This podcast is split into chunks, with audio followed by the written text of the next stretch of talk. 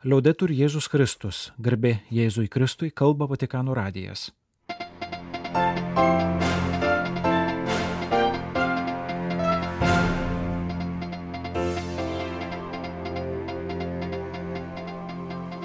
Malūnos klausytojai šioje programoje. Popiežiaus audiencijos. Pranciškus priėmė Portugalijos ministrą pirmininką ir Šventojo Pauliaus VI fondo narius iš Ispanijos.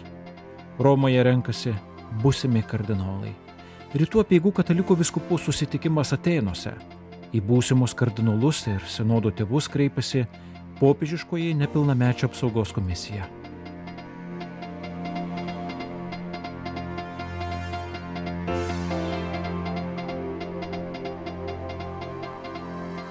Popiežius Pranciškus ketvirtadienį audiencijoje priėmė Portugalijos ministrą pirmininką Antonijo Kostą ir jį lydinčią delegaciją. Po susitikimo su Romos vyskupu premjeras lankėsi valstybės sekretorijate, susitiko su jo vadovais kardinolu Pietro Parolinu, valstybės sekretoriumi ir arkivyskupu Polo Richardu Galageriu, sekretoriumi santykiams su valstybėmis ir tarptautinėmis organizacijomis. Pagrindinė pokalbių valstybės sekretorijate tema buvo vasarą Lisabonoje vykusios pasaulinės jaunimo dienos ir popiežiaus pranciškaus apaštališkoji kelionė rūpiučio 2-6 dienomis Portugalijoje. Taip pat aptartas teigiamas bažnyčios įnašas Portugalijos visuomenėje dabartinėme socialinėme politinėme kontekste ir kiti bendro intereso klausimai informavo komunikate Šventojo sosto spaudos salė. Jos komunikate pažymima, kad dvi šaliuose pokalbiuose taip pat pasidalinta nuomonėmis apie tarptautinę situaciją, ypač apie karo Ukrainoje pasiekmes ir migracijos reiškinį. Popiežius ketvirtadienį audiencijoje priėmė Ispanijoje veikiančio popiežiaus Šventojo Pauliaus VI fondo delegaciją. Vienas iš fondo vadovų yra nominuotas kardinolas Jose Kobokano, Madrido arkivyskupas. 1968 metais Madride įsteigtas fondas yra aukštojo mokslo institutas, nuo įsikūrimo pagrindinį dėmesį skiriantis bažnyčios socialiniam mokymui ir akademinėje veikloje yra susijęs su popiežiškuoju Salamankos universitetu. Nuo 80-ojo dešimtmečio fondas plėtė veiklą, įvedė informatikos, architektūros, inžinerijos, pramonės, ekonomikos studijas, įsteigė bioetikos observatoriją ir popiežiaus Pauliaus VI centrą, skirtą šio popiežiaus mokymo tyrimams. Fondo vadovybę sudaro garsūs bažnyčios Ispanijoje vadovai, įskaitant Madrido arkivyskupą būsimą kardinolą 58 metų Jose Kobokano, kurio beje nebuvo tarp popiežiaus ketvirtadienį priimtų fondo delegacijos narių. Popiežius Pranciškus iš Andalūzijos regiono pietinėje Ispanijoje kilusi Jose Kobokano šių metų birželio mėnesį paskyrė naujuoju Madrido arkivyskupu. Pastaruosius penkerius su pusę metų jis ėjo Madrido vyskupo auxiliaro pareigas. 1994 metais Madrido arkivyskupijos kunigo išventintas Jose Kobokano pagrindinį vyskupavimo dėmesį skyrė kalėjimų silovadai ir socialiniai pastoracijai. Paskirtas Madrido arkivyskupu pagal pareigas tapo Ispanijos viskupų konferencijos nuolatinės tarybos nariu. Šių metų rugsėjo 9 dieną popiežius būsimą kardinolą Jose Kobokano paskyrė Šventojo sosto vyskupų dikasterijos nariu. Šeštadienio rugsėjo 30-osios rytą popiežius vadovaus kardinolų skirimo konsistorijai. Daugelis būsimų kardinolų jau atvyko į Romą, kai kurie ketvirtadienį dalyvavo Vatikane surinktame susitikime su spaudos atstovais, kiti pakviesti dalyvauti panašiame susitikime penktadienį.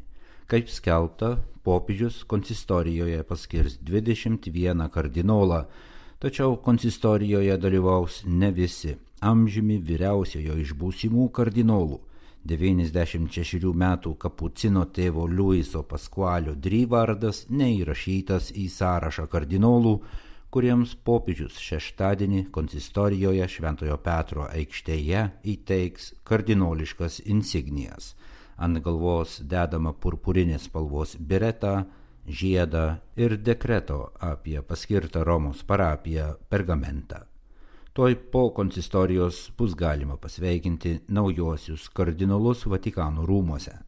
Beje, argentinietis kapucinas tėvas Dry jau buvo pasidalijęs abejonę, ar galės dėl amžiaus ir sveikatos dalyvauti popiežiaus konsistorijoje. Kardinoliškas insignijas jam netolimoje ateityje įteiks popiežiaus pasiuntinys. Vienintelis svarbus pasikeitimas nominuotų kardinolų sąraše liečia amžiumi jauniausią iš išrinktųjų 50 metus einantį Ameriką Agujarą iš Portugalijos popiežius prieš keletą dienų jam pavedė naujas pareigas. Perkeldamas iš Lisabonos vyskupo auxiliaro pareigybės, popiežius jį paskyrė naujojų Setubalo vyskupų ordinaru. Setubalo vyskupija yra į pietus nuo Lisabonos patriarkato ir kaip sufraganinė viskupija priklauso patriarkato jurisdikcijai. Būsimasis kardinolas Amerikas Agujaras buvo atsakingas už vasarą Lisabonoje vykusių pasaulinių jaunimo dienų koordinavimą.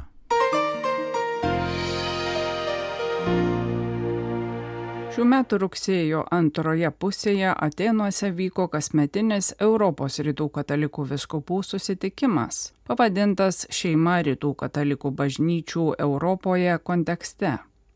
Renginyje dalyvavo ir nuncijus Janas Pavlovskis, Europos viskupų konferencijų tarybos pirmininkas arkivyskupas Gintaras Grušas, rytų bažnyčių dikasterijos sekretorius kunigas Mikelas Jalakas. Susitikimą surengė apaštališkasis egzarchas Bizantijos tradicijos katalikams Graikijoje Manuelis Ninas Guelis ir Armenijos katalikų ordinariato apaštalinis administratorius Graikijoje vyskupas Jozefas Bezazianas. Susitikime dalyvavo daugiau nei 60 viskupų ir kunigų atstovaujančių Ukrainos, Rumunijos, Vengrijos, Slovakijos, Bulgarijos, Serbijos, Kroatijos, Vokietijos, Skandinavijos šalių, Graikijos, Armenijos ir Bizantijos, Baltarusijos, Kipro, Italijos rytų katalikų bažnyčias, bei Sirų Malabarų ir Sirų katalikų bendruomenių atstovai. Vyskupas Manuelis Ninas reiškė vilti, kad šios maldų apmąstymų ir dalymosi dienos taps sinodinės visiems, bei išreiškė palaikymą ir solidarumą Bizantijos tradicijos katalikų bažnyčiai Ukrainoje ir visiems Ukrainos žmonėms šiuo neteisingo karo ir milžiniškų kančių metu. Problemas, su kuriomis šiandien susiduria rytų apieigų kataliko šeimos, viskupams pristatė Bratislavos eparchijos vyskupas auxiliaras Milanas Lachas. Šiandieninėje visuomenėje šeima visur susiduria su dideliu spaudimu. Vyksta kova už šeimą, jei šeima išliks, visuomenė išliks, jei šeima neišgyvens, neišgyvens ir visuomenė, sakė vyskupas. Šeimos funkcija leisti kiekvienam jos nariui tapti brandžiu žmogumi, turinčių aišku savo tapatumo jausmą ir dėl to gebančių atsiverti intimumui. Kiekvienas žmogus turi atpažinti ir plėtoti šį unikalumą savyje kaip nepakartojamą Dievo darbą. Šeima leidžia žmogui susikurti savo tapatybę. Vieninga šeima, kurioje visi randa laiko vienas kitam, gyvena darnoje ir geba įveikti visus iššūkius. Iš šios perspektyvos šeimų palėdėjimas turi būti vienas iš bažnyčios prioritetų. Parapijose reikia sukurti bendruomenę jaunoms šeimoms, kad po santokos jie neatsidurtų vieni su poros gyvenimo problemomis ir iššūkiais. Vengrų diakonas Janosas Nirijanas iš Hajų Dorogo bažnyčios kalbėjo apie vyskupo ir susituokusių dvasininkų santykius. Vedęs mokytojas penkių vaikų tėvas iliustravo daugybę problemų ir iššūkių, su kuriais susiduria kunigų šeimos. Pinigų klausimas ir laiko sąnaudos dvasininkams yra labai subtilus. Kokį pragyvenimo lygį gali sauliaisti vedęs kunigas, kokie šeimos ekonominiai poreikiai, koks pavyzdys tikintiesiems ir vėl kaip tinkamai išnaudoti laiką, tai tik dalis klausimų, kuriuos kasdien turi spręsti kunigas ir jo vyskupas. Dar opesnės yra kunigo gyvenime galinčios iškilti problemos susijusios su priklausomybėmis, skyrybomis, smurtu, ypač prieš nepilnamečius. Kaip padėti į sunkumus patekusiai dvasininko šeimai. Tarp nurodytų sprendimų - nuolatinių mokymo iniciatyvų skatinimas, psichologinės konsultacijos ir privalomų elgesio kodeksų formulavimas, šeimos narių palidėjimas. Vyskupas Bogdanas Dziurakas, apaštališkasis egzarchas Bizantijos apieigų ukrainiečiams Vokietijoje ir Skandinavijoje, kalbėjo apie katalikų bažnyčios Europoje atsaką į Rusijos karo prieš Ukrainą tragediją. Šiandien Ukrainos šeimos patiria sunkiausią ir skausmingiausią šio nežmoniško ir barbariško karo smūgį. 14 milijonų žmonių, ypač moteris, vaikai, pagyvenę žmonės, buvo priversti palikti savo namus ir kilmės vietas. Karas sukrėtė pačią Ukrainos visuomenės širdį, o ši širdis yra šeima. Taip pat vyskupas padėkojo už didžios krikščionių ir Europos šeimos solidarumą ir pristatė iniciatyvas Ukrainai remti. Renginio pabaigoje buvo nuspręsta kito susitikimo tema kunigo žmogiškumas - ryšys tarp vyskupo ir jo dvasininkų. Susitikimas vyks Oradijoje, Rumunijoje kitų metų rugsėjo 17-19 dienomis. Į atvykstančius ar jau atvykusius į Romą būsimus kardinolus ir kitus kardinolų konsistorijos dalyvius, dalis iš kurių dalyvaus viskupų sinodė apie sinodiškumą, į visus viskupų sinodo dalyvius kreipėsi popiežiškoji nepilnamečių apsaugos taryba, prašydama nei akimirkai neišleisti iš akių tikslo visur, kur tik yra bažnyčia - užtikrinti vaikų saugumą. Tokia diena dar netėjo, dar daugiau - įtraukti tokį įsipareigojimą į kardinolišką priesaiką popiežiškoji nepilnamečio apsaugos komisija visų pirma dar kartą išreiškė gilų liūdėsi dėl didelio skaičiaus bažnyčioje įvykdytų bjaurių nusikaltimų ir besąlygišką solidarumą aukoms. Kasdien iš vieno ar kito pasaulio taško pasiekė naujos žinios apie seksualinio išnaudojimo nusikaltimus, apie jų blogą ar nepakankamą tvarkymą. Kai kurie atvejai iškyla į viešumą, o kitais atvejais aukos lieka kentėti tyloje. Išnaudojimo atvejai apima ne vien aukos skausmą, baisę išnaudotojo išdavystę, bet ir tikrovę, jog bažnyčia nesugeba, o kartais nenori įvertinti savo veiksmus, nubausti prasikaltusius, tokiu būdu pratesdama ir stiprindama mūsų nukentėjusių brolių ir seserų skausmą. Girdime ir esame sukresti pranešimu apie užimančių atsakingas pareigas bažnyčioje asmenų veiksmus rašoma popiežiškosios nepilnamečio apsaugos komisijos kreipimėsi į būsimus ir esamus kardinolus, į sinodų tėvus, priminant, kad tarp užimančių atsakingas institucinės pareigas yra ir pasauliečių, kad išnaudojimų yra ir tikinčiųjų pasauliečių asociacijose bei draugijose. Dar kartą patvirtiname savo tvirtą įsipareigojimą, kiek galima užtikrinti, kad tokie bjaurus ir smerktini veiksmai būtų išrauti iš bažnyčios rašo nepilnamečio apsaugos komisija, nurodydama, jog kaip liūdėja neseni atvejai vėluojama ištaisyti nepilnamečio apsaugos ir bylų tvarkymo procedūrų trūkumus, kurie prisideda prie aukų skausmo didinimo. Mes ir toliau atidžiai tirsime, kas neveikia ir primiktinai reikalausime, kad būtų padaryti būtini pakeitimai, kad visi nuo šių baisių nusikaltimų nukentėję asmenys galėtų pasiekti tiesą, teisingumą, gauti žalos atlyginimą pažada komisija. Komisija priminama jos kreipimėsi buvo įsteigta 2013-aisiais. Jos iniciatyvos leido pamatyti seksualinių išnaudojimų tikrovę, nepakankamą reagavimą į ją iš bažnyčios lyderių pusės ir reformų būtinybę. Komisijos veikla koordinuojama su kardinolų taryba, tikėjimo mokymo dikasterija ir kitomis Romos kurijos institucijomis, kurių darbas įtakoja visą katalikišką pasaulį. Niekas neturėtų maldauti teisingumo bažnyčioje Tebesitęsiantis ir neprimtinas pasipriešinimas rodo skandalingą kai kurių bažnyčios narių ryšto stoką, prie kurios dažnai prisideda ir didelis išteklių trūkumas. Tikras pokytis ateis tik su bažnyčios vyresniųjų silovadiniu atsivertimu. Tuo metu, kai kardinolo kolegija renkasi į konsistoriją, mus drąsina, dažnas šventojo tėvo perspėjimas tiems, kurie pašaukti šiam ypatingam vaidmeniui. Su šiuo vaidmeniu susita atsakomybė lieti savo pačių, o ne globojamų žmonių kraują.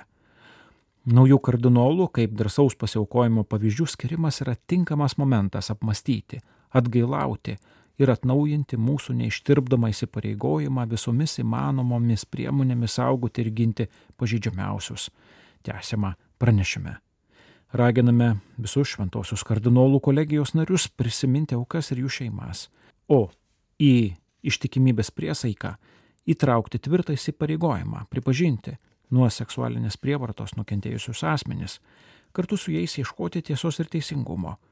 Šį įsipareigojimą turėtų pakartoti visi biskupai ir vienuolijų vyresnėjai. Kartu su visais patyrusiais prievartą ir jos padarinius sakykime gana. Raginama popiežiškosios nepilnamečių apsaugos komisijos pareiškime.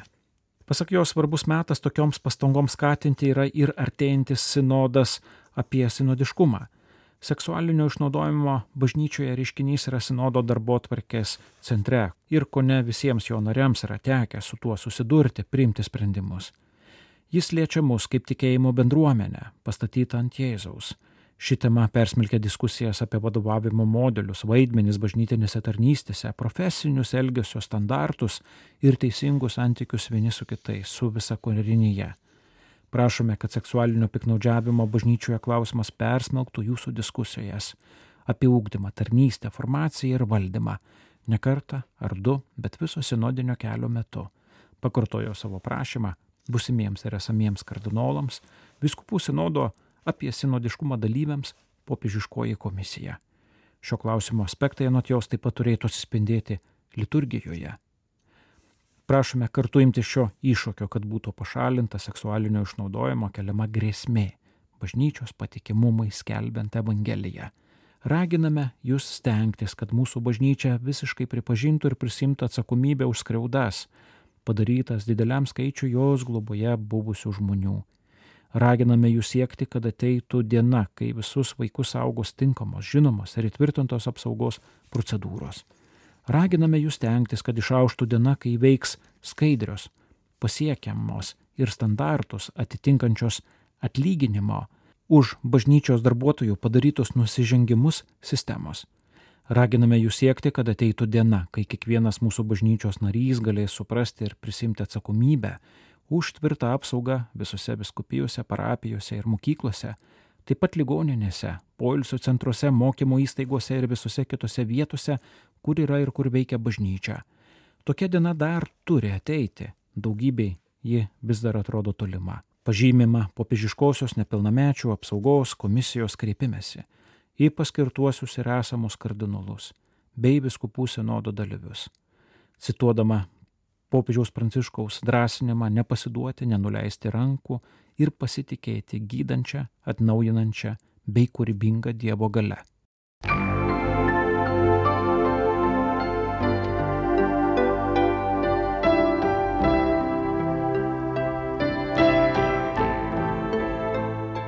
Malonus klausytojai laidą lietuvių kalbą baigiame. Kalba Vatikano radijas. Garbė Jėzui Kristui, liaudai turi Jėzus Kristus.